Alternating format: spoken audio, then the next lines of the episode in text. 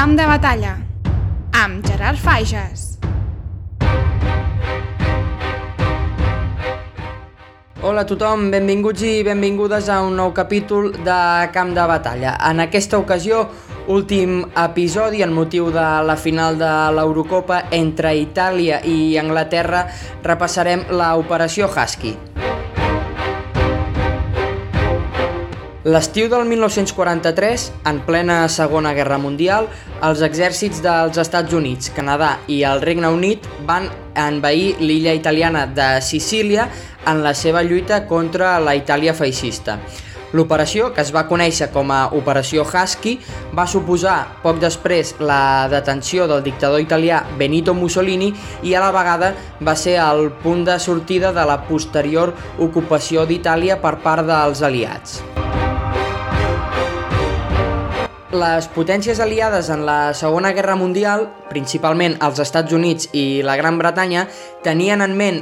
l'any 1943 envair França i recuperar-la del control de l'Alemanya nazi que exercia llavors sobre el país.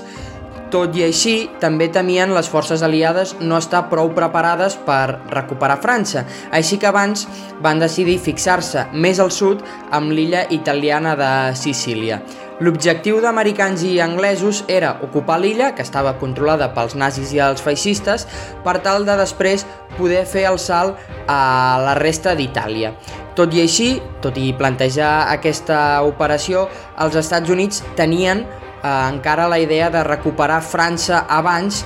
fet que es va acabar descartant i es va apostar per la illa italiana de Sicília. L'operació Husky es va planejar l'estiu del 1943 per part dels aliats. Estats Units i Anglaterra van decidir atacar Sicília aprofitant les tropes que havien desplegat a la campanya del nord de l'Àfrica, en les quals els aliats ja havien vençut Alemanya i Itàlia, a Líbia, Tunísia o al Marroc. Abans d'atacar Sicília, però, els aliats necessitaven una distracció per tal que alemanys i italians no s'esperessin l'atac i, a la vegada, els aliats trobessin menys resistència. Així que els anglesos van dur a terme l'operació Carn Picada, bon nom, que consistia en disfressar un cadàver com si fos un comandant anglès que van deixar anar a prop de la costa d'Espanya amb un maletí. Dins d'aquest maletí hi havia uns suposats plans de la Gran Bretanya i els Estats Units per atacar la zona dels Balcans i Grècia, que també estaven controlats per l'Alemanya nazi i la Itàlia feixista. Els alts comandaments alemanys que van trobar aquest cadàver es van empassar tota la carn picada, així ho van dir els mateixos britànics, i es van creure aquesta documentació. Així que Itàlia i Alemanya van agafar tropes que tenien desplegades a Sicília i les van portar cap a Grècia i els Balcans pensant que els aliats atacarien aquella zona. L'èxit de l'operació Carn Picada, que es va dur a terme entre finals de juny i principis de juliol del 1943, va fer que les tropes aliades, és a dir, els Estats Units i la Gran Bretanya, trobessin menys resistència a Sicília a l'hora de desembarcar. Cal sumar també a americans i anglesos l'exèrcit del Canadà, un destacament d'aquest exèrcit del Canadà que combatia juntament amb el dels Estats Units.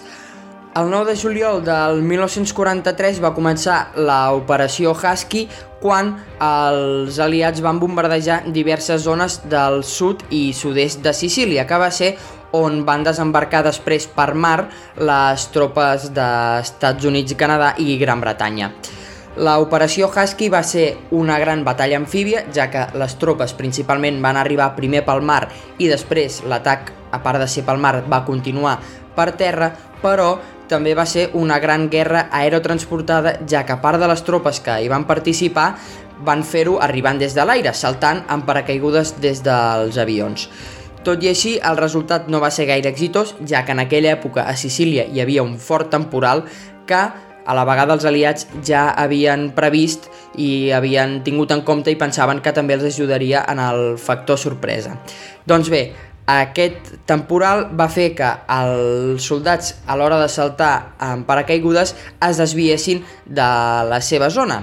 Els britànics i els americans van acabar saltant, van acabar arribant a llocs on principalment no tenien previst arribar, si bé cal dir que els britànics van fer un paper una mica més digne en aquest salt de, de paracaigudes. Els britànics van aconseguir arribar mínimament a la seva zona, el seu objectiu, que era el port de la ciutat de Siracusa, mentre que les tropes dels Estats Units i del Canadà van quedar molt més repartides a causa d'aquest vent i del temporal i un cop a terra van tardar més de 6 hores en poder-se reorganitzar. A més, dos dies després d'aquest primer salt de paracaigudes,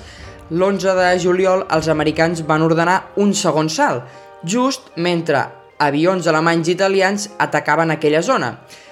Això va provocar una gran batalla aèria que va causar centenars de baixes i moltes de les quals van ser per foc amic, és a dir, morts pels seus propis companys per les seves pròpies tropes.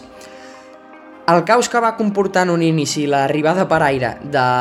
les tropes aliades es va repetir un cop, un cop reorganitzades a terra tot i que van començar a avançar amb èxit sobre el terreny, la falta d'un pla detallat per després de la invasió va afavorir els alemanys i els italians. És a dir,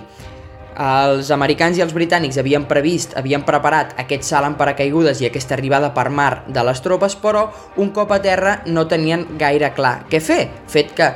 tot i que van començar a perdre, els alemanys i els italians també van poder respirar una mica tranquils, ja que la desorganització del, de les forces aliades els va afavorir. Els exèrcits dels Estats Units i del Canadà, que combatien junts, es van separar del britànic quan eh, les tropes de la Gran Bretanya es van dirigir a la ciutat de Messina. Aquesta separació va evitar poder encerclar un destacament de tancs alemanys de tropes alemanyes que van poder escapar. De fet, els aliats van aconseguir derrotar els exèrcits alemanys i italià, però a la vegada aquests també van aconseguir escapar i salvar moltes de les seves unitats. És a dir, els aliats van aconseguir grans victòries, però no van acabar eh, d'aconseguir un dels seus objectius, que era acabar amb el major nombre de vehicles, de màquines de guerra d'italians i alemanys. Mentre les tropes britàniques continuaven lluitant a la zona de Messina, on eh, van atacar després de reorganitzar-se a terra, els Estats Units van aconseguir fer-se amb el control de la ciutat de Palerm, que era la capital de Sicília, ja a finals del mes de juliol, és a dir, Gairebé un mes després de l'arribada de les tropes del desembarcament, els americans van fer-se amb el control de Palerm mentre els britànics continuaven combatent a la zona de Messina, la ciutat i els seus, i els seus voltants. Aquesta derrota italiana de, a Palerm va propiciar un cop d'estat per part del Gran Consell Feixista, que era l'òrgan de govern de la Itàlia feixista que encapçalava el dictador Benito Mussolini. El 25 de juliol d'aquell 1943, el dictador feixista va ser derrocat del poder i el mateix Gran Consell Feixista el va detenir. Amb aquesta maniobra, amb Mussolini detingut, els aliats confiaven que Itàlia deixés la guerra, però, o, pareix, eh, o sorpresa, va aparèixer Hitler, va alliberar Mussolini i els italians van continuar dins de la Segona Guerra Mundial. Les batalles a Sicília van continuar des de tot el juliol fins a principis del mes d'agost, principalment degut a la resistència que part de les tropes britàniques estaven trobant a la zona de Messina. Finalment, el 17 d'agost del 1943, les tropes dels Estats Units van aconseguir arribar a la ciutat de Messina hores després que els últims soldats alemanys i italians aconseguissin escapar, però a la vegada els estat, els, les tropes dels Estats Units també van arribar abans que la resta de, to, de tropes britàniques que anaven a ajudar els seus compatriotes. Això va ser una petita victòria moral pels comandaments dels Estats Units que durant la invasió de Sicília s'havien estat discutint i contradient-se amb els alts càrrecs de l'exèrcit del Regne Unit que havia evidenciat encara més aquesta falta d'entesa i aquesta falta de pla a l'hora de fer-se mal domini i el control de Sicília atacant des del terra un cop ja les tropes havien desembarcat. Tot i que l'operació Husky va ser una victòria aliada, la falta d'entesa entre els alts comandaments dels exèrcits dels Estats Units i d'Anglaterra va permetre que els nazis i els italians feixistes poguessin eh, escapar. Itàlia va perdre Sicília i va sumar moltes baixes eh, pel que fa al nombre de tropes, però també eh, molts tancs, avions i altres vehicles de guerra. Tot i així, tot i aquesta derrota de, dels feixistes i els nazis, moltes tropes van aconseguir salvar-se degut a la falta d'entesa dels aliats i totes aquestes tropes, tant d'Alemanya com d'Itàlia, que van escapar, van desembarcar a la Itàlia continental, és a dir, a la Itàlia que quan mirem el mapa veiem que és mm, la típica bota mm, amb la que coneixem tots Itàlia. La operació Husky a la vegada també va ser el punt d'inici de la posterior campanya italiana, que va ser la batalla que van liderar els aliats per poder-se fer amb el control d'Itàlia i per fi poder derrotar els feixistes. Tant els Estats Units com la Gran Bretanya, després de l'èxit que havien tingut a Sicília, aquest èxit relatiu perquè moltes tropes rivals van aconseguir escapar, doncs pensaven que la invasió i l'atac a Itàlia seria curt, duraria poc, però, spoiler, no va ser. La invasió d'Itàlia va començar el mateix 1943 i es va allargar fins al 1945, que va ser quan finalment eh, Itàlia va deixar la guerra. Aquesta campanya, que havia de ser curta i que va durar dos anys, va ser a la vegada una de les més sagnants de tota la Segona Guerra Mundial. Així que, de cosa senzilla, no pas. Tot i el caos que va suposar en un principi el desembarcament de les tropes i els salts en paracaigudes en aquesta operació Husky, aquesta tàctica es va continuar entrenant i perfeccionant. De fet, va ser la mateixa tàctica que després els aliats van fer servir en el desembarcament de Normandia, que va ser un dels grans episodis dels aliats, una gran victòria dels aliats eh, que pràcticament va suposar eh, la derrota dels nazis i per tant el final de la Segona Guerra Mundial. Fins aquí aquest últim capítol de Camp de Batalla, el dotzè que ha arribat en motiu de